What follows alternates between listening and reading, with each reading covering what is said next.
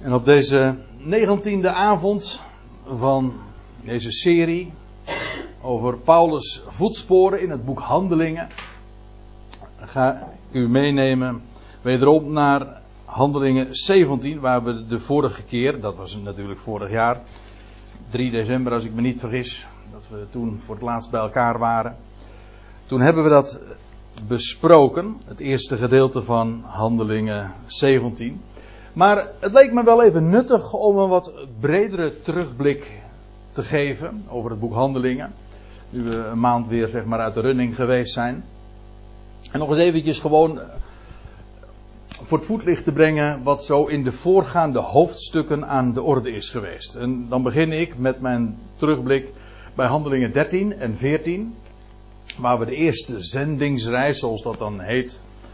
En ik denk terecht, want het was en Paulus en Barnabas waren gezonden, zowel door een hemelse opdrachtgever als ook vanuit Antiochië.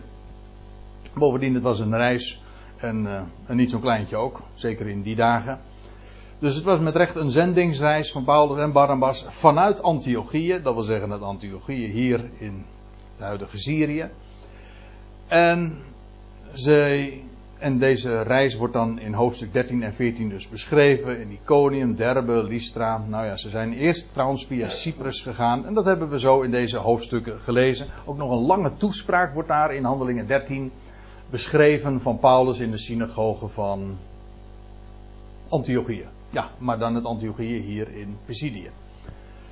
Dan krijg je Handelingen 15, waar het, de beroemde apostelvergadering wordt beschreven in Jeruzalem. En dat was eigenlijk ook naar aanleiding van een vraag die gerezen was in Antiochië, want er waren daar was een heftige discussie ontstaan over de vraag wat de natieën nu te doen stond. Namelijk of zij zich ook zouden moeten onderwerpen aan de, aan de wet van Mozes en aan de gebruiken en ook de besnijdenis. En er waren leraren, predikers, die dat inderdaad van mening waren. En Paulus die kwam daar heftig tegen in verweren. En wel, naar aanleiding van die kwestie wordt er een vergadering dus belegd in Jeruzalem. Paulus gaat naar Jeruzalem toe om de dingen daar ook ter sprake te brengen. Nou, die vergadering wordt dan ook uitgebreid beschreven. En het antwoord is natuurlijk onmiskenbaar, namelijk dat de natieën vrij zijn van de wet van Mozes. En dat de, hoe stond dat er nou ook weer in Handelingen 15? Ik vond dat, zoals Petrus dat ook zegt. Ik lees het eventjes voor in vers 10 van Handelingen 15 dus. Nu dan, zegt, dat zegt Petrus, dat is de rol van Petrus in die vergadering. is trouwens ook het laatste woord wat we vinden van hem in het boek Handelingen. Dan staat er, nu dan, wat, stelt gij, wat stellen jullie God op de proef? Dat wil zeggen, degene die dat dan promoten, dat ook de natieën, de heidenen, zich zouden moeten onderschikken en naar de gebruiken van, van Mozes. Nu dan, wat stelt gij God op de proef? Dat is een hele heftige uitspraak, om het op die manier te formuleren. Door een juk op de hals van de discipelen te leggen dat nog onze vaderen, nog wij hebben kunnen dragen. Maar door de genade van de Heer Jezus geloven wij behouden te worden. Wij op dezelfde wijze als zij. Dat wil zeggen, Joden worden niet anders uh, gered door, dan de natieën, namelijk door genade. En dat is het antwoord. Dat is het laatste woord van Petrus in het hele boek Handelingen. Daarmee is feitelijk ook de toon gezet voor het vervolg. En dit antwoord wordt dan ook gegeven vervolgens door een delegatie vanuit Jeruzalem, waar Paulus ook weer bij hoort, aan Antiochië. En de besluiten die tijdens die vergadering genomen waren, die waren ook op schrift gesteld. En het is Paulus en zijn medewerkers die dan inderdaad ook erop uitgaan om dat vervolgens ook overal uh, door te geven. De besluiten van de apostelen. En het was een unaniem besluit. Dus hoeveel verschil van inzicht er ook was. En ja, verschillende roepingen. Ik bedoel, Paulus stapte uit een ander vaatje. Was ook op een andere wijze geroepen dan de twaalf. Maar hier waren ze het volstrekt over eens. Dan lees je, in, dan komen we in Handelingen 16. Daar, wordt, daar begint eigenlijk de tweede reis, want ze zijn weer terug bij af, bij Antiochieën. En nu reist hij verder met Silas, niet meer met Barnabas. U weet dat er was een, verschil van inzicht uh, gekomen. In elk geval, hij gaat dan met Silas en hij reist dan ook weer naar, langs de steden waar ze op een eerste reis ook al geweest waren. En vervolgens gaan ze noordwaarts en dan worden ze min of meer gedwongen om de oversteek te maken. Ze wilden eigenlijk nog links en rechts gaan, maar de geest van de Heer verhinderde hen dat.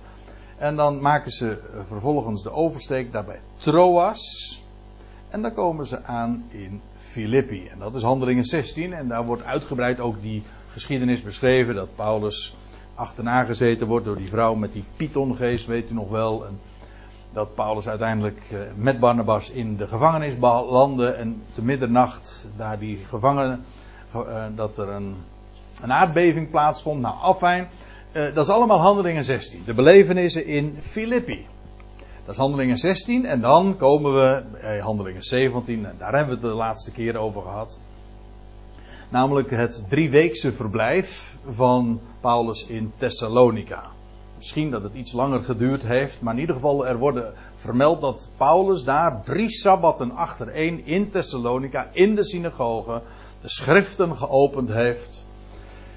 En ja, dat leidt ook weer maar dat is de gebruikelijke procedure, inmiddels kennen we die wel, op enorm veel weerstand. En het wordt ook jaloezie, afgunst genoemd van Joodse kant. Van Joodse zijde. Er wordt een hele uh, revolutie daar in de stad ontketend. Geïnstigeerd door de Joden. En dat Paulus het vege lijf moet redden en hij vlucht. U ziet, uh, ze waren van Filippi naar, nou moet ik het even goed zeggen, naar Thessalonica, dat is hier. Dat is niet zo al te ver, uh, veel verderop. Het huidige Saloniki is dat. Ik, trouwens, ik zeg het niet goed. Dit is het Thessalonica. En goed, Paulus moet dan dus vluchten en hij gaat een kilometer of 55 verderop en dan komt hij in Berea. En dat is waar we de, het laatste van de avond, vorige keer dus, over hebben gehad. Vertrekt dus met Silas naar Berea. En dat is de enige plaats eigenlijk in het hele boek Handelingen waar Paulus wel met alle ega's ontvangen is in de synagoge. Ik moet erbij zeggen, uiteindelijk moest hij ook uit Berea vluchten. Maar dat had een andere reden. Want, maar goed, dat zal ik je straks nog even laten zien. Paulus vertrekt met Silas naar Berea en daar worden ze wel open in de synagogen ontvangen. Nou, Ehm, ik stel voor dat we dan bij vers 11 de draad weer oppakken. We hebben het al, uh, dit vers besproken. Maar goed, ik lees het nog eventjes voor. En die mensen daarin, dat wil zeggen de Joden in de synagoge van Berea, zij onderscheiden zich gunstig van hen die te Thessalonica waren. Dat is een groot verschil. En wel, dat stak zeer gunstig af ten opzichte van Thessalonica. Waarom? Daar zij het woord, in tegenstelling dus met Thessalonica, wel met alle bereidwilligheid aan, waar aannamen, accepteerden, ze hoorden hem aan. En dat niet alleen, maar ook dagelijks de schriften nagingen of deze dingen zo waren. Dus Paulus wordt kritisch gevolgd, maar juist dat wordt als een positief onderscheid gezien. Want kijk, als je de waarheid vertelt, dan is er maar één ding interessant. Als het gaat om de waarde is er maar één ding interessant en dat is klopt het. Niet, oh is het mooi? Als, het mooi is, is het mooi meegenomen. Maar het gaat erom, is het waar? Paulus had een bericht, een goed bericht te vertellen en de vraag is, klopt dat? Wel, hij claimde ook de schriften, hij opende uh, de, de, de schriften met hen en zij checkten dat. Zij gingen dat dagelijks na of dat inderdaad zo was. Dus Berea heeft zich daarin onderscheiden. En ik heb u toen ook nog laten zien. Hier staat het woordje anakrino, dat is het Griekse woord. En dat betekent vragend onderzoeken, van checken. Hè? Is dat zo? Klopt dat? Is dat? Komt dat overeen met wat, wat we vinden, zwart op wit? En ik heb u ook laten zien dat dat ook een kenmerk is van de geestelijke mens. De pneumatische mens. In 1 Korinthe 2 vers 15. Ik ga er nu niet meer naartoe. Maar dan lees je de geestelijke mens beoordeelt. Of letterlijk checkt alle dingen. Gaat na. Klopt dat? Dat is waar het werkelijk om gaat. Dus het grootste compliment wat je kan doen aan iemand die de waarheid geeft, is het te checken. Want wat er dan aan het licht komt, is de waarheid. Dat moet juist gecheckt worden. Juist door het te checken, bevestig je daarmee ook de boodschap. Nou, en dan lees je velen dan van hen, en daar, nu gaan we dus verder. Velen dan van hen kwamen tot het geloof. En ik heb u al vaker verteld in, een, deze serie, dat als we die uitdrukking in de NBG-vertaling tegenkomen, dat er in het Grieks gewoon staat geloven. En velen dan van hen geloven. Niet, ze kwamen tot geloof, Alsof je zo een actie hebt van eerst tot geloof komen en dan, en dan ben je bij geloof en dan geloof je. Nee, het is gewoon geloven. Zo is het. Hoe, hoe kwamen ze tot dat geloof? Wel, ze, zo eerst hoorden ze het aan. Vervolgens checkten ze het in de schriften. En dan vervolgens is het, het resultaat is geloof. Ik geef toe dat ik daarmee de zaak van onderaf benader. Dat wil zeggen van een menselijk standpunt kunt natuurlijk ook zeggen, dat is handelingen 16, dat lees je dan in verband met uh, Lydia zo, dat de Heere opende haar hart. Dat is, dat is, van Gods kant benaderd. Maar hoe, hoe gaat dat? En zo wordt het hier ook beschreven. Ze hoorden het aan, ze checkten het in de schriften en vervolgens het resultaat was dat ze daardoor, door dat woord, overtuigd werden. En dat is precies wat geloof is. Je bent overtuigd feitelijk is dat ook iets, dat die formulering geeft aan dat dat iets is wat je overkomt. Je bent overtuigd. Je wordt overtuigd. Dat kun je niet, dat kun je niet zelf doen. Je kan niet op commando uh, gaan geloven. Nee, dat is iets wat je, wat zich meester van je maakt. In dit geval dat de waarheid zich meester van je maakt. Zo, en dan ben je overtuigd. Enfin, velen van hen geloofden. Velen dus daar in die synagoge. Dus uitzonderlijk. Hoogst uitzonderlijk in het boek Handelingen. Ik zou niet weten waar je het verder eh, nog leest. Dus ook daarin onderscheidt Berea zich. Dat is eigenlijk ook weer logisch. Kijk, overal uh, als uh, Paulus dan in de synagoge komt, en niet alleen Paulus, maar ook al in de eerdere hoofdstukken van Petrus en dergelijke. Ja, dan komen ze ook met de schriften aan. Maar ja, wat de, wat de mens blokkeert in die synagoge, in, en dat geldt voor de orthodoxie in het algemeen, en dat uh, is niet anders dan in, het, in de christelijke wereld. Het is de orthodoxie, maar ook de, de traditie die een mens blokkeert om het woord werkelijk te nemen zoals het is. En vergis je niet hoor, want dat is zo'n enorme blokkade. En dat, dat is dat, waardoor mensen op voorhand eigenlijk al weten hoe het zit. Weten tussen aanhalingstekens. Dat kan niet kloppen, dat kan niet waar zijn. Dat is te mooi om waar te wezen. Of dit gaat zo in, dat gaat in tegen alles wat we tot dusver gehoord hebben. Nou, Kortom, dan, dan zijn die eigen, je oren zijn al helemaal dichtgestopt, zodat je niet eens meer kan aanhoren. Dat je niet eens meer dat kan aanhoren wat er, um, ja, wat er binnenkomt. Dat, ja, dat komt dus niet binnen.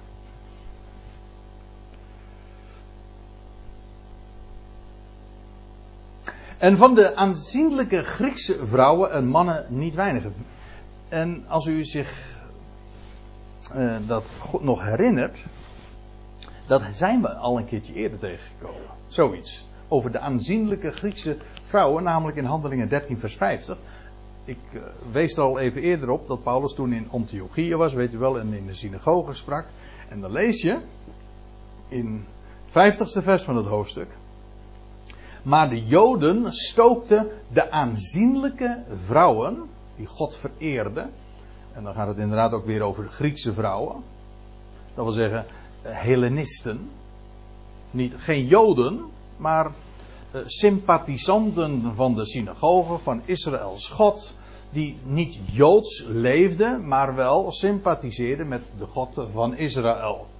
En daar staat er ook, die God vereerde. Oh, is dat zo? De edele. Ja, en als ik mijn. Oh, hier staat in de. In de Isa-weergave. De achtenswaardige. Ja, de achtenswaardige. Dus dat waren van adellijke. Hè? Eerlijk.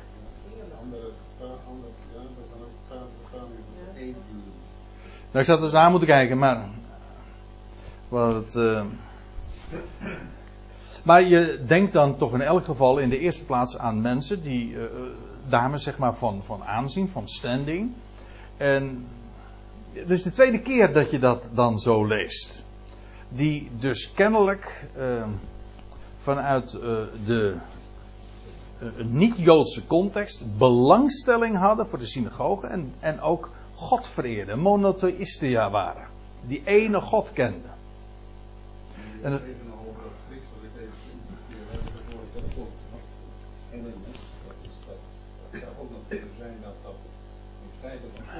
zijn mensen uit de twaalf stammen. Ja. Die eigenlijk helemaal geassimileerd zijn in dat gebied. Ja, de Grieksen. Grieksen. Ja, niet Grieken, maar Grieksen. Ja. Dus dat is eigenlijk dat het vooral duidt op mensen die, die ja, vergriekst waren, ge gehelleniseerd. Ja. Maar wel van origine dan uh, Joods zouden zijn, dat wil zeggen als het hun ja, Israëlitische oorsprong. Ja, ik was eigenlijk van plan om daar nog eens een keertje bij gelegenheid, wellicht ook in deze serie nog eens wat uitgebreider op terug te komen. Ik, nu parkeer ik het even. Maar um, in ieder geval, ja, dat wordt hier zo vermeld. Het gaat hier dus in ieder geval mensen, over mensen die niet Joods meer waren. Of niet Joods waren, laat ik het dan uh, even zo zeggen. En er, waren, er wordt gesproken over de Joden in de synagoge en van de aanzienlijke Griekse vrouwen. Die worden dus niet als Joods aangemerkt. En mannen uh, niet weinigen. Dat is trouwens uh, opmerkelijk. Uh, juist daar had Paulus zoveel aansloes bij. Moet je nagaan, Paulus, die van origine zelf zo'n ijveraar van en een celoot voor de wet was. Voor, de, voor, zoals hij dat zegt in Galaten 1, voor, de, voor zijn voorvaderlijke overleveringen. En juist nu bracht hij een boodschap waarbij feitelijk het, dat erop neerkwam dat het, de, het heil was naar de natieën gegaan. En dat ja, Israël tijdelijk buitenspel stond. Ja, dat was, we, we, komen daar later in hoofdstuk 21 nog uitgebreider uh, op terug. Maar juist dat betekent feitelijk dat zijn boodschap, en nou gebruik ik weer een uitdrukking uit de gelaten brief, Paulus' evangelie was het evangelie van de voorhuid. Dat kwam via een andere weg zo ook al eh, even ter sprake, dat woord, voorhuid. Maar het evangelie van de voorhuid, dat wil zeggen van de onbesnedenen. Het, het, het verwachtte namelijk niet van de mens dat ze zich zouden voegen bij de religieuze gebruiken. Dat was in Handelingen 15 al helemaal geregeld, dat hoeft helemaal niet. Maar juist daarom had het zoveel aansluis bij degene die wel de God van Israël kenden, maar niet de, verder de gebruiken onderhielden, ook niet joods waren geworden. Paulus' boodschap sloeg juist daar aan, bij de voorhuid. Ja. En van de aanzienlijke Griekse vrouwen en mannen ook staat er de vrouwen voorop in dit geval, dus kennelijk was dat toch het meest opvallende. En mannen niet weinigen. We, ik wil er nog even op wijzen dat één van deze gelovigen, uh, die in dit vers dan genoemd worden, dat is Sopater, dat weet ik. Om, uh, van hem lees je in, in hoofdstuk 20, vers 4. Hij was de zoon van Pyrrhus en dat was een Berea. Het is de enige keer dat we in boekhandelingen de naam Berea nog een keer tegenkomen. Maar dat was deze Sopater die zou deel uit gaan maken van het reisgezelschap van Paulus, dat dan uh, richting Jeruzalem zou gaan. Maar goed, dat is pas handelingen 20. Maar goed, zo was de situatie in Berea, maar uiteindelijk keert dat ook om. Ik zeg niet in de synagoge, dat staat er niet. Maar in elk geval wel in de stad uh, al zodanig. Want, dan lees je in vers 13. Maar toen de Joden uit Thessalonica bemerkten, en ik al eerder wees ik er even op dat dat is toch een kilometer of 50, 60, 70 verderop. Uh, toen de Joden uit Thessalonica bemerkten dat het woord Gods ook te, nou dat zullen zijn, niet, geen woord Gods genoemd hebben, maar goed, dat is de wijze waarop Lucas het beschrijft. Dat het woord Gods ook te Berea door Paulus werd verkondigd kwamen zij ook daar de scharen opzetten en verontrusten. Precies zoals eerder al, dus wat we lazen in vers 5 van ditzelfde hoofdstuk. Exact dezelfde procedure. Nu hadden ze er lucht van gekregen dat Paulus uh, een paar uh, tientallen kilometers verderop het woord predikte. En nu gingen ze al hetzelfde procedure weer starten in Berea. En ook daar de scharen opzetten en in, uh, ja, in opschudding staat er en verontrusten, in verwarring brengen, onrust, onrust stoken. Er staat de, scharen, en dat, ja, waarbij de vraag is natuurlijk, gaat het hier over de scharen in de synagogen? Of gaat het hier over gewoon het volk in Berea? Bij nader inzien weet ik dat eigenlijk niet zo. Het zou, als het inderdaad ik, ik leg het eventjes open hier neer. Als het inderdaad over de synagoge gaat, dan is ook dus Berea uiteindelijk ook niet, geen gunstige uitzondering. Zou, dan is het dus eigenlijk altijd zo dat de Joden weer uh, zich uh, zo hebben opgesteld. Dat wil zeggen afwijzend. Uiteindelijk dus. Want dit is zoals het later ging. In eerste instantie dus die bereidwilligheid. Velen geloofden. Maar goed, dan, dan krijgen ze de, in Thessalonica lucht van. En ook dan worden de scharen opgezet. Nou, ik hou het even helemaal in het midden. Eh, wie, uh, aan wie we dan moeten denken bij de scharen. Maar in elk geval, u ziet het, uiteindelijk in Berea ging het ook dus helemaal mis. In die zin dat ook daar Paulus niet langer welkom was. Ja, want dat zie je dan in vers 14. Doch de broeders, dat wil zeggen de gelovigen te Berea, want er waren velen tot geloof gekomen. Doch de broeders lieten toen terstond Paulus vertrekken. Ze, ze hadden natuurlijk wel in de gaten dat er echt gevaar dreigde, want Paulus' leven was ook hier weer niet zeker. Ze lieten terstond uh, hem vertrekken, ze stuurden hem weg. Uh, in de richting van de zee. Nou, dat wil ik even laten zien nog. Ik heb hier eh, dat kaartje nog een beetje uitvergroot.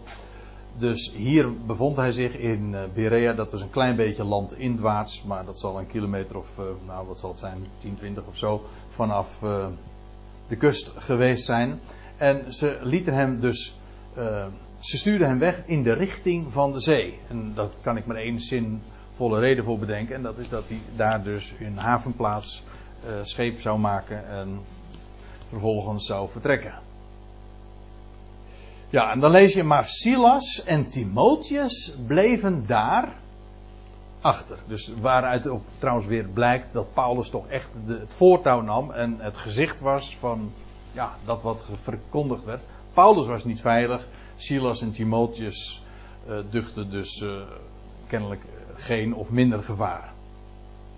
Het is trouwens pas de tweede keer dat de naam van Timotheus genoemd wordt ik heb u, maar dat is al een tijdje geleden, toen erop gewezen dat Timotheus zich dus gevoegd heeft bij het gezelschap van, uh, van Paulus en, en Silas. En voor de rest wordt hij niet meer genoemd. En niet, maar hier, dat hij er wel bij was, blijkt dus hier dat hij daar in Berea achterbleef. Dus terwijl Paulus richting de kust wordt gestuurd, blijven Silas en Timotheus daar achter. En Paulus' geleiders, dat wil zeggen, hij werd dus niet alleen maar weggestuurd richting de zee, maar uh, er waren, hij kreeg ook uh, bewaking of geleiders, mensen die hem begeleiden. En die brachten hem te Athene. Ja, dat, en het loutere feit dat dat was,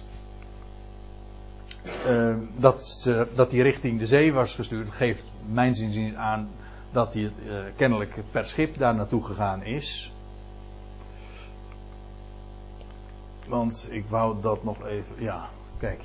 Hier, hier ligt Athene. En dus op dit kaartje zie je dat eigenlijk ook zo uit uh, wordt verondersteld. Je zou, je zou kunnen verdedigen dat er een kustweg is geweest. Zo richting Athene. Hier dan. Dat zou kunnen. Blijven vanaf. Maar het meest voor de hand liggend lijkt mij dan toch dat, ze in, dat Paulus uh, per boot met zijn begeleiders uh, naar, uh, naar Athene is gegaan. En dan staat er, en, en zij vertrokken, dat wil zeggen, die geleiders, die vertrokken met de opdracht aan Silas en Timotheus, om zo spoedig mogelijk bij hem te komen. Dus Paulus is met begeleid vanuit Berea naar Athene toe.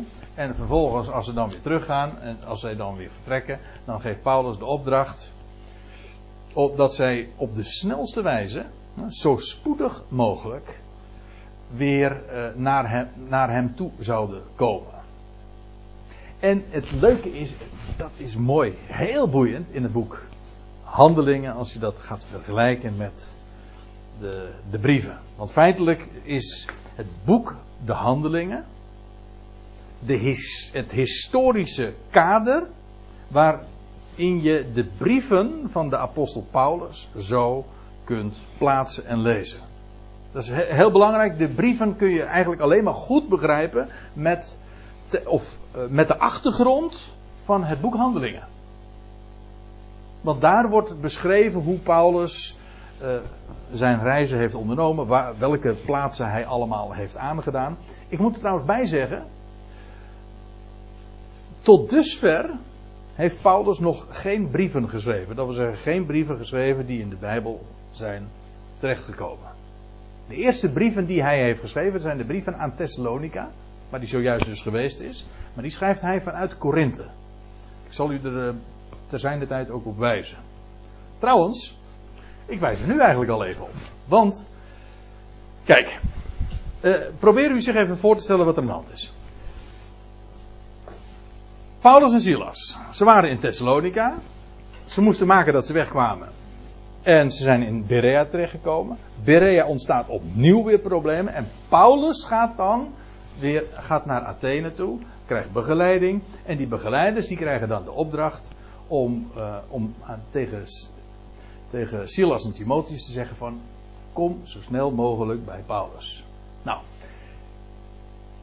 in 1 Thessalonicense 3 lezen we dat Timotheus inderdaad gekomen is. Ik neem u even mee. Daar staat dan dit. Dit zegt Paulus in deze brief dus. Daarom hebben wij, want we konden er niet langer uithouden, besloten alleen te Athene achter te blijven. En wij hebben Timotheus, onze broeder en een medewerker Gods in het evangelie van Christus, gezonden om u te versterken. Nou wordt het plaatje nog completer. Want dan krijg je dus dit. Timotheus en wellicht Silas, dat weet ik niet. Hier wordt alleen Timotheus genoemd. Is inderdaad weer gekomen bij Paulus in Athene. Maar, zegt Paulus dan, in zijn brief aan de Thessalonicense. Uh, ik heb besloten in alleen te Athene achter te blijven. Uh, niet lang, alleen, ja. En we hebben Timotheus vervolgens weer teruggezonden naar Thessalonica. Dus dat is een heel, heel, wat, heel gereis geweest. We hebben Timotheus, onze broeder, gezonden om u te versterken. Dus naar Thessalonica. Dus Timotheus is weer weggegaan. Kijk, dat gezelschap heeft dus. Uh, ja, het was een vast gezelschap, maar ze, ze, het is niet zo dat ze voortdurend dus bij elkaar zijn gebleven uit zulke beschrijvingen volgt gewoon dat ze ook uh, voor een deel ook onafhankelijk van elkaar reizen, of in ieder geval zelfstandig. Ja. Nou, en dan komen we in vers 16. In mijn Bijbeltje, klopt dat? Wat ik nu zeg? Ja, begint er dan een nieuwe passage. Namelijk Paulus' verblijf, zijn, ik mag wel zeggen, zijn beroemde verblijf in Athene. Want ja, waarom is die vooral beroemd daar? Handelingen 17 is voor sommigen misschien zelfs een begrip, voor mij tenminste wel. Handelingen 17, de bekende, de beroemde reden die Paulus daar gehouden heeft op de Areopagus. Paulus is daar dus in Athene, niet op vakantie. En hij, ja, dat is eigenlijk wel leuk als je dat realiseert. Wij, gaan dan op vakantie hè, naar, naar weet ik wel welke verre oorden. Bijvoorbeeld Athene, maar je kan tegenwoordig nog veel verder uh, weggaan en dan, zie je geweldige tempels en dan maken wij foto's en dan vinden we dat interessant. Nou, Paulus had er heel anders in. Paulus was hier geen toerist. Want moet u eens met me meelezen. Terwijl Paulus te Athene op hen, Silas en Timotheus, wachtte, werd zijn geest in hem geprikkeld. Geprikkeld. Dit woord geprikkeld, dat komen we nog één keer meer tegen in het boek Handelingen. En dat is uh, in hoofdstuk 15, vers 39. Dan wordt het in de NBG-vertaling vertaald met verbitterd. Kijk, dan lees je, dan gaat het over Paulus en Barnabas, weet u nog? Dat daar ja, verschil van inzicht, verwijdering ontstond. En er ontstond een verbittering, zodat ze uiteengingen en Barnabas met, Barne, nou, met Marcus naar Cyprus voer. Maar ja, u ziet, dat is nou een typisch voorbeeld van discordant vertalen. Hier één Grieks woord wordt in, in, in het ene geval, in 15 vers 39, wordt vertaald met verbittering. En in het andere geval met geprikkeld. Is dat ergens voor nodig? Mijn zinziens, nee. Dat, is, dat, geeft, dat geeft geen zicht op zo'n woord. Maar in ieder geval, um, ja, geprikkeld, dat kan trouwens ook in, het, uh, in dit geval, in het Grieks, maar in het Nederlands is dat ook. Dat kan positief zijn of negatief en het kan ook positief zijn. Je kan, als je geprikkeld bent, meestal bedoelen we dan, ik, als je zegt van ik ben geprikkeld, dan bedoel je je bent geïrriteerd. Het, dingen staan je tegen. En dat is dan vooral een negatieve gemoedstemming. Maar je kan ook positieve zin geprikkeld zijn. Hè? Je ziet iets en je wordt daardoor, uh, hoe zeggen we dat dan, getriggerd. Ja, getriggerd. Je leest ook in het, uh, in handeling, nee in het boek Hebreeën dan wordt het dan ook weer, ditzelfde Grieks weer, uh, wordt weer gebruikt. En dan wordt het vertaald met aanvuren. Elkaar aanvuren. Ja, ziet u? Het woord komt maar een paar keer voor in het Nieuwe Testament. Maar het wordt de ene keer met prikkelen en de andere keer met verbitteren en de andere keer met aanvuren. Ja, dat schiet niet op. Zicht wil hebben op wat de, wat de betekenis van een woord is, ja, dan uh, is dit uh, alleen maar verwarrend. Maar kijk, elkaar prikkelen. Maar dan uiteraard in de positieve zin. En dan heeft het inderdaad de gedachte van elkaar aanvuren. Of aanvuren. Elkaar triggeren. Gewoon, ja, hoe? lijkt me niet zo moeilijk. Als je in Hebreeën dat, ook leest, dan gaat het juist over het woord. Het woord prikkelt ons. Nou, nou even terug naar Handelingen 17, vers 16. Paulus is daar Athene, hij wacht. Maar zijn geest onderwijl werd geprikkeld getriggerd. Dat is hier niet positief, dat lijkt me duidelijk, want wat staat er dan? Toen hij zag, hij, wat prikkelde hem dan zo? Uh, toen hij zag dat de stad zo vol afgodsbeelden was. Moet zich voorstellen, Athene was eigenlijk toen in die dagen al over zijn hoogtepunt heen. En maar eeuwen tevoren had het, was het een, een, stad van een enorme intellectueel, maar ook in godsdienstig opzicht en in filosofisch opzicht. Ja, was het een, een stad van een enorm aanzien. En die glorietijd was inmiddels voorbij. Maar het was nog buitengewoon religieus. Het staat, hier staat vol, in de vertaling dan vol afgodsbeelden in de Concordant Version staat er idol ridden. Dat betekent zoiets als. Uh, het was vergeven van afgoden. Dat uh, woordje idol. Dat is wel leuk, want ons woordje idool. Het Griekse of het Engelse idol. Dat komt gewoon regelrecht uit het Grieks. Eidolon. En u je herkent het direct. Idolen. Een idool is dus eigenlijk een afgod.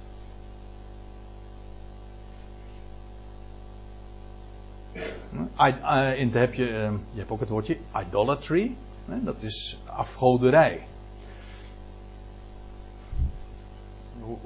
Zit er even aan te denken, je had toch zo'n zo tv-programma, een bekende serie? Oh ja, natuurlijk, dat ik wou zeggen, dat, waar herken ik het ook alweer van? Idols, ja. Maar dat is dus eigenlijk, idols, dat zijn dus afgoden. Dat is de, de oorspronkelijke betekenis van dat woordje. En het, uh, dat, de wijze waarop dat geformuleerd wordt, staat eigenlijk uh, eidolon met en, en dan een voorzetsel, kata. En dat betekent, ja, het moeilijk in dat Nederlands weer te geven, maar dat betekent, het is een negatief begrip. Het was vergeven van. Ja, misschien is dat, of idol ridden zeggen ze in het Engels dan. Vergeven van afgoden. Dat is niet positief hoor. Wel, Paulus' geest werd geprikkeld. Moet je je voorstellen. Een Jood. Die, die opstaat en naar bed gaat. Met het Shema op zijn lippen. Eén, hoor Israël, er is één God. Hè, die de profeten kende. Jezaja van die ene God, de schepper van hemel en aarde. Hoe Paulus geest dan geprikkeld wordt door al die, door die, al die idols. Ik moet denken, als ik het in het als ik het zo zeg, idols, dan, dan doet het ook heel erg denken aan, het, uh, aan ons woordje. Ik geef toe, het is een woordspelletje hoor. Aan idol. Idol, idol. Uh, dus in de zin van leeg. Maar het is meer dan een woordgrapje. Want feitelijk is dat precies wat een afgod is. Het is leeg. Ijdel. Leeg. De stad was vol afgod. En dat prikkelde deze man. Die wist, er is maar één God. Ze kende God namelijk niet. Ja, als ik het zo allemaal formuleer, dan loop ik eigenlijk verschrikkelijk vooruit op wat Paulus allemaal daar nog in Athene gaat vertellen. Maar ze kenden God niet. Ze waren, de stad was vergeven van, van idolen, afgoden. En, maar met die vele goden kenden ze daarmee God niet. Er is maar één God. Maar goed, laten we even verder lezen nog. Hij, Paulus, hij hield daarom in de synagoge samensprekingen met de Joden. Dus ook in Athene was een synagoge, dat is wat we hieruit opmaken. Voor de rest wordt dat niet meer genoemd, alleen in dit vers. Hij hield samensprekingen. In het Grieks staat je daar een woord dat waar ons woordje dialoog van afgeleid is. Ons woordje dialoog is ook Grieks. Dia, door, lo, uh, loog en logos. Dat heeft te maken met woord. Dus het heeft te maken met argumenteren. Een dialoog voeren of discussiëren. Of zoals hier ook uh, wordt in de interlineair consequent met argumenteren weergegeven. Uh, concurrent. Dus het is altijd, de gedachte zit altijd in van een argumentatie voeren. Niet zomaar wat heen en weer, het is maar geen kletsen. Nee, argumenteren. En Paulus argumenteerde in de synagoge met de Joden. En, en staat er met hen die God vereren. Hier, hoe vaak hebben we dat nou inmiddels niet gezien? Zojuist nog, in verband met Berea.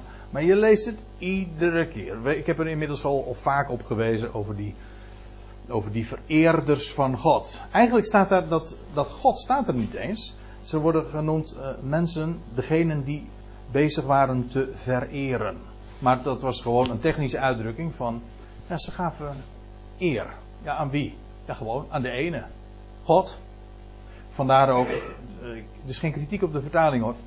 Met hen die God vereren. Maar eigenlijk staat er gewoon vereerders. Namelijk mensen die de God van Israël vereerden. Zij waren zelf geen Israëlieten. Ze leefden ook niet Israëlitisch of naar de gebruiken van Mozes. Maar ze kenden de God. Ze vereerden God. Nou, u begrijpt, Paulus was geprikkeld. Nou, in, in de synagoge. En met degene die God vereerde. Ja, daar kon hij natuurlijk zijn verhaal wel kwijt. Want dat deelden ze. Hm? Alle verschil van inzicht die er wellicht ook was in. Die bij nader inzien aan het licht zou komen over het evangelie en over de betekenis van de schrift. Dit was toch wel duidelijk. Eén God. En dan staat er, dit was dus in de synagoge. En mag je aannemen, met name dan toch ook op de Sabbat. Maar dan staat er vervolgens, en op de markt, hier staat het woordje agora. Dat kent u wel. Maar agora, uh, agora dat is uh, ook het, het uh, Griekse woord voor markt. Is wel leuk als je dat zo in het boek Handelingen bestudeert. En ja, je, neemt de woordjes meteen ook mee dan uh, valt het u ook dan niet op hoe vaak je dan niet uh, woorden tegenkomt die we gewoon in het Nederlands ook kennen. Of in ieder geval vaak uh, nog in ieder geval wel thuis kunnen brengen. De agora, de, de markt. En op de markt, dagelijks, ik neem aan dat dit vooral een tegenstelling is met wat hij in de synagoge wekelijks had, namelijk op de Sabbat. De Shabbat, en op de markt dagelijks met hen die hij daar aantrof. Wat Paulus daar verder op de markt deed, uh, nou ja, dit dus. Uh, je zou de vraag kunnen stellen van, heeft Paulus daar ook nog, uh, net als we eerder lazen in Handelingen, wat was het? Oh nee, dat, dat gaan we nog lezen in Handelingen 18, dat is ook zo, in Korinthe. Dat hij dat hij daar ook al uh, bezig was met het uh, tenten maken, verkopen. Misschien. Het wordt hier in ieder geval niet genoemd. Het enige wat ervan vermeld wordt is dat hij op de markt was en dagelijks daar ook argumenteerde. Dat deed hij dus niet alleen maar in de, in de, bij de intimie en bij de mensen met wie hij verwant was, geestverwant ook. Maar ook ja, daar op de markt, wie, wie die daar ook maar aantrof. Ja, Paulus was een uh, man die al wat te melden had. Dus ja, waarover zou hij het hebben? Nou, laten we dat. Uh, daar hoeven we niet over te fantaseren, want het staat er gewoon. En dan. En ook enige van de Epicurese en Stoïcijnse. Philo, er staat hier wijsgeren, maar er staat hier eigenlijk gewoon in het Grieks het woordje filosofon. Heb je weer zo'n woord filosoof, ons woord filosoof komt rechtstreeks uit het Grieks. Betekent philo, dus eh, liefde voor, en Sophie heeft te maken met wijsheid. Liefde voor wijsheid, wijsbegeerte. En ook enige van de Epicurese en Stoïcijnse wijsgeren twisten met hen. Eerst even over dat woordje Epicurese. Epicurees, dat zijn uh, filosofen, dat zijn volgelingen van Epicurus. En die leefden zo 300 voor Christus. Ik zei al, Athene was in eigenlijk een paar eeuwen tevoren eigenlijk op zijn hoogtepunt. De filosofische scholen, die hebben allemaal een, een, een oorsprong eigenlijk een paar eeuwen voor Christus. Dat geldt ook voor de grote namen zoals we die kennen van, nou ja, noem ze maar op, Plato en uh, Aristoteles. Dat was allemaal eigenlijk al voor deze tijd. En ook enige van de Epicurese uh, filosofen, wel, die Epicurus, dat was een man die was geboren op het eiland Samos. Kent u dat? Heel mooi eilandje. Ben ooit een keer een paar dagen geweest. En ik ben gek op de Griekse eilanden, maar Samos is ook een prachtig eilandje. Maar in ieder geval, daar kwam die Epicurus vandaan.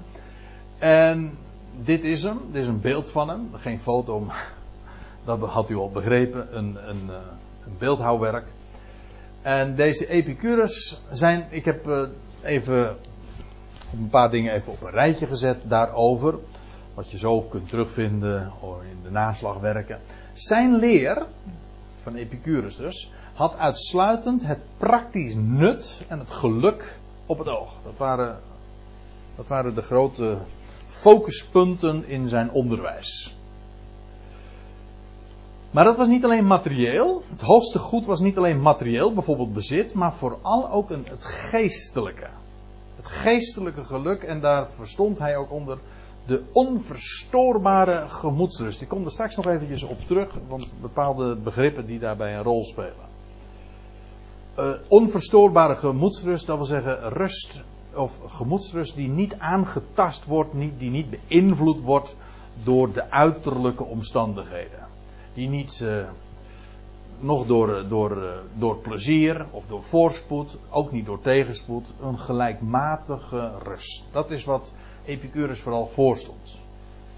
En dat kon, uh, dit kon iemand bereiken door een deugdzaam leven. Dat was ook een belangrijk uh, begrip in zijn, uh, in zijn onderwijs. Goed te leven. met als resultaat een totale onafhankelijkheid van alles en iedereen om zich heen. En dat lijkt toch verdraaid veel ook op die andere school die hier genoemd wordt. Want kijk, Athene tot op de dag van vandaag is bekend om zijn, ja, is eigenlijk het symbool van, uh, van wijsheid. Als je het hebt over wijsheid, eigenlijk ook, ons, het hele, ook het hele westerse denken, dat vindt zijn bronnen, zijn oorsprong, kun je allemaal terugbrengen in Athene. De filosofische scholen die daar ooit waren. Nou, hier worden twee van die scholen genoemd. Voor, voormannen. Epicurus en zijn volgelingen en de Stoïcijnen. En ja, als ik het zo zeg, dan kent u dat trouwens ook wel. Wij gebruiken het uh, dan wat spreekwoordelijk. Maar u weet toch wat je bedoelt met als je iemand een stoïcijns uiterlijk heeft? Ja, dat is dus onverstoorbaar. Maar dat is precies ook wat die Epicurus zijn. Maar ze worden hier ook in één adem genoemd. De enige van de Epicurese en Stoïcijnse wijsgeren. Er waren, waren wel verschillen. Er waren verschillende scholen. Maar dat laten we nu even voor wat het is. Maar die Stoïcijnen, dat is wel interessant. De Stoïcijnen, dat waren leerlingen van een filosofenschool die gesticht was door een Zeno. Die leefde ook trouwens rond 300 voor Christus. Zelfde tijd.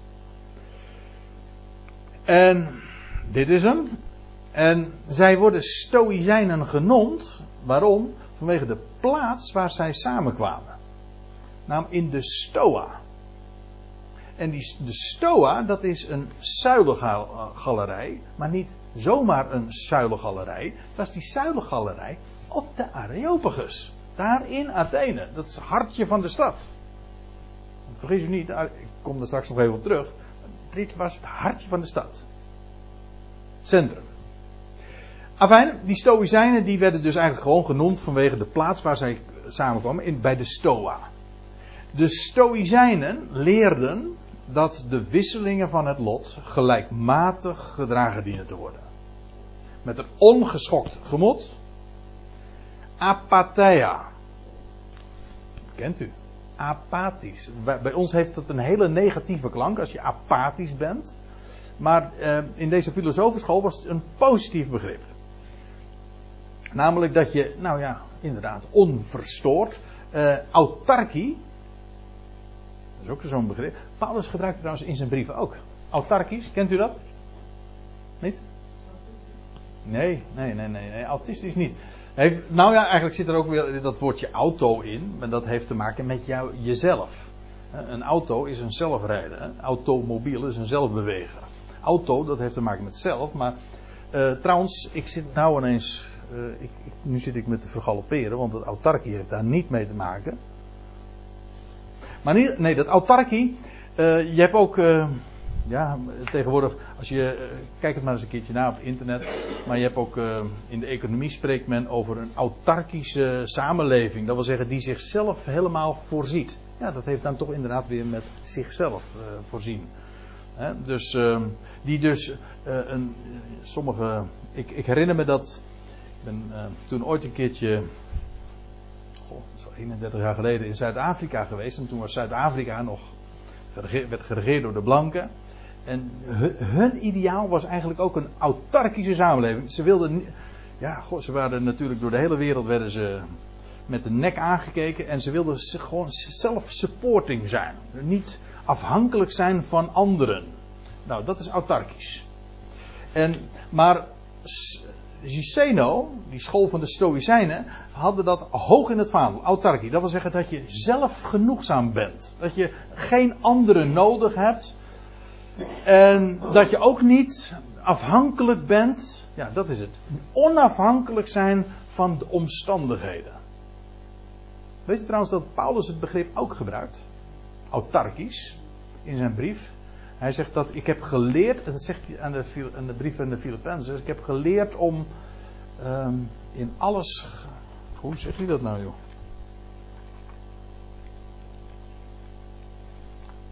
Ik moet even. Ja, precies, ja. Filippenzen 4. Um, ja, ik, ik, ik zie dat ik hier in mijn eigen Bijbeltje nog ooit een aantekening heb gemaakt. Dan zegt hij in Filippenzen 4, vers 11. Niet dat ik dit zeg, al zou ik gebrek lijden, want ik heb geleerd met de omstandigheden waarin ik verkeer genoegen te nemen. En daar staat in het Grieks dat woordje autartes. Dat wil zeggen onafhankelijk van de omstandigheden. Ik weet wat armoede is, ik weet wat overvloed is. In elk opzicht, in alle dingen ben ik ingewijd. Zowel in het verzadigd worden als in hongerlijden. Zowel in overvloed als in gebrek. Ik vermag alle dingen in hem die mij kracht geeft. Nou is dit eh, geen Seno, dit is geen Epicurus. Maar dit is Paulus' invulling van dat begrip. Dat is een heel andere natuurlijk. Ik heb geleerd in. Eh, of ik vermag alle dingen in hem.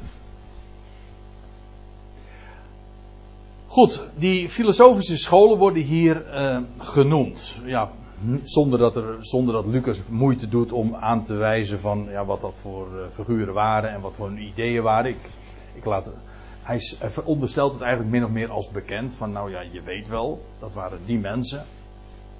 Maar goed, vandaag aan de dag moet je dat toch eventjes uh, duidelijk maken. Alleen bij het woordje stoïcijns hebben wij nog een klein beetje een vaag idee van wat dat is. Uh, mensen die zich dus die onverstoord zich door eh, een weg door het leven banen en daarbij niet beïnvloed willen worden door, door de wisselingen van het lot die nu eenmaal zo verschillend zijn. Altijd een gelijkmoedig uh, gemoed te hebben. Ja, die zijn er ook zo Ja, ook, ook self-supporting, geen anderen nodig hebben. Ja, dat is dan, denk ik dan vooral ook doordat ze zo uh, heel erg eenvoudig leven. Dus ja, die hebben niet veel anders, andere dingen nodig ook. Ja. Ja. Zelf, uh, je hoeft niet te van wat een ander doet. Die gemeenschap wat je. Ja, ze hangen dus in die zin wel heel erg aan elkaar dus. Ja, inderdaad. Ja. Ja. Ja, dus dat, uh, dat gaat niet op, die vergelijking. Tenminste, nee. Voor Jehovah-getuigers. Val ik er ook uit. Ja. Nou ja, dat is, dat, dat is weer iets anders, denk ik. Maar... Ja. Nee, dat is waar, maar daar, daar ken ik wel meer van. maar, uh, maar dat erg op geld doen.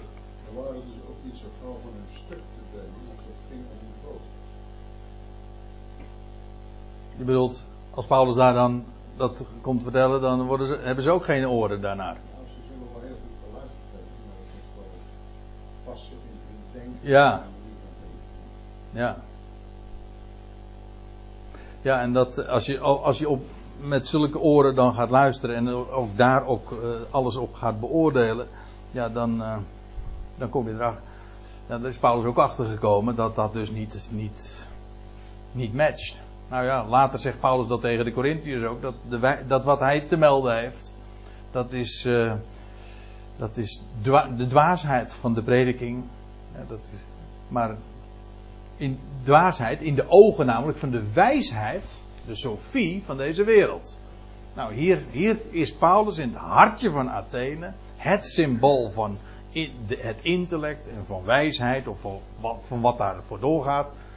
En dan nou, ontmoet hij daar op die markt ook enige van de Epicurezen en Stoïcijnse filosofen. En ze twisten met hem. Nou, het staat eigenlijk wat, wat aardiger. In het Grieks staat er sun ballo. Ballo, werpen, samenwerpen. En dat betekent dan, zoals u hier ook ziet, eigenlijk gewoon overleggen. Niet zozeer uh, bij twisten denk je toch echt aan een hele scherpe uh, discussie. Twistgesprek. Maar dat, het wordt hier meer een, um, in het algemeen over, uh, over overleggen gesproken. Ik denk dat het een betere weergave is.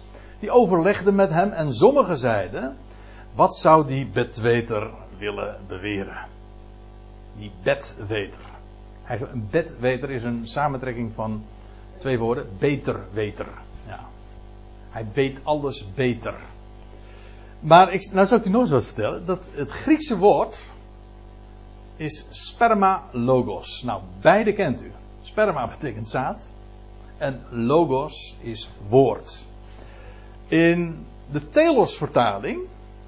In, nou, ik, ik, eh, ik, ik, weet het, ik heb het juist vanmiddag nog even nagekeken. In de King James wordt er gesproken over een babbler. De idle babbler. Een babbelaar.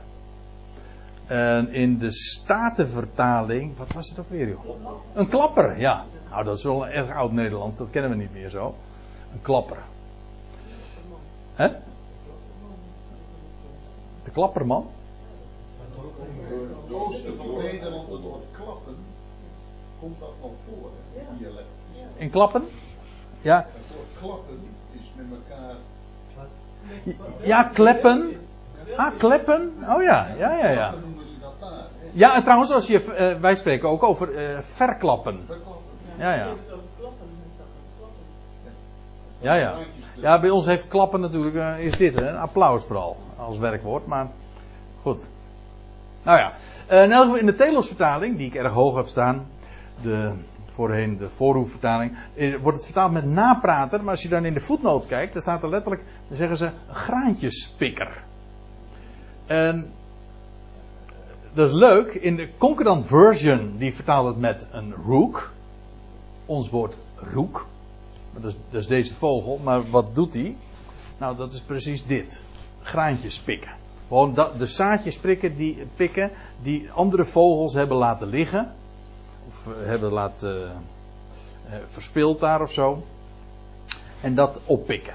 Graantjes pikken is denk ik een hele goede weergave van wat dat is. Spermalogos.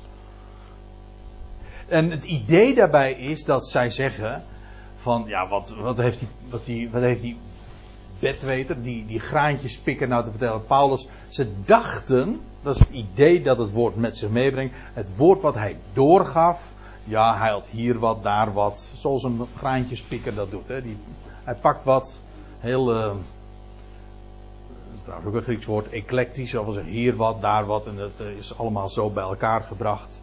En, eh, nou ja. Daar waren ze trouwens in Athene bepaald niet vies van hoor. Nee, dat is, we zullen wel straks zien. Dat, ze deden niet liever dan naar zulke dingen te luisteren. Maar hier wordt hij dus genoemd. Een, een graantjespikker. Wat zou die graantjespikker nou willen beweren? Nou, ik moet u zeggen. eh, ik, ben, eh, ik, kom, eh, ik ben graag in de leer. Bij deze graantjespikker. Maar hier, worden, hier wordt die vraag zo gesteld. Hè. Enige van dus eh, de Epicurezen en de Stoïcijnse filosofen, het overlegden met hem. En sommigen, dus kennelijk van degenen die er op die markt waren, die zeiden, en die stellen dan belangstellende vraag, maar eigenlijk al wel met een- de nodige aantekeningen en de argwaan. Wat zou die graantjespikker eigenlijk nou te zeggen hebben? Oh, u ziet, ik zie trouwens dat het ene woord, deze praatjesmaker. Eigenlijk. Zou je hem, zouden ze hem als een Jood hebben gezien of als Griek? Dat is ook wel iets. Want hij is natuurlijk opgevoed in een Griekse gemeenschap, is wel een Jood, Ja, spreekt de taal Ja. kent, kent eigenlijk het hele gebeuren in Griekenland. ja. Dat was ook wel zoiets. Daar wat, wat, hoe hebben ze hem gezien? hè? Wat, wat, hoe hebben ze hem aangehoord? Dus wat is het een Jood? Is het een Griek? Nou, uit het vervolg blijkt toch wel van dat, ze, dat ze daar eh, toch geen kaas van hadden gegeten. Want ze zeggen van hij schijnt te verkondigen van vreemde goden te zijn. Dus ik, of zij erg thuis waren in dat soort, eh, of die ins en outs. Eh, nou, als laten we ons eventjes dan gewoon be- beperken zeg maar, tot de informatie die hier gewoon rechtstreeks gegeven wordt. Eh, het, hij, hij was een graantjespikker. Zo hebben ze hem genoemd. Niet al te complimenteus, stel ik me zo voor. Eh, dan zeggen, maar anderen, die zeiden dus. Hij eh, schijnt een verkondiger van vreemde goden te zijn. u, maar ik zal u dit, er dit bij zeggen. Dat vreemde goden. Staat er eigenlijk niet. Staat vreemde demonen. Alleen wij denken bij demonen. Heeft bij ons de gedachte van een boze geest. Zo wordt het meestal trouwens het woordje demon. Demon wordt altijd vertaald met boze geest. Maar dat is niet wat het woord betekent. Wij denken.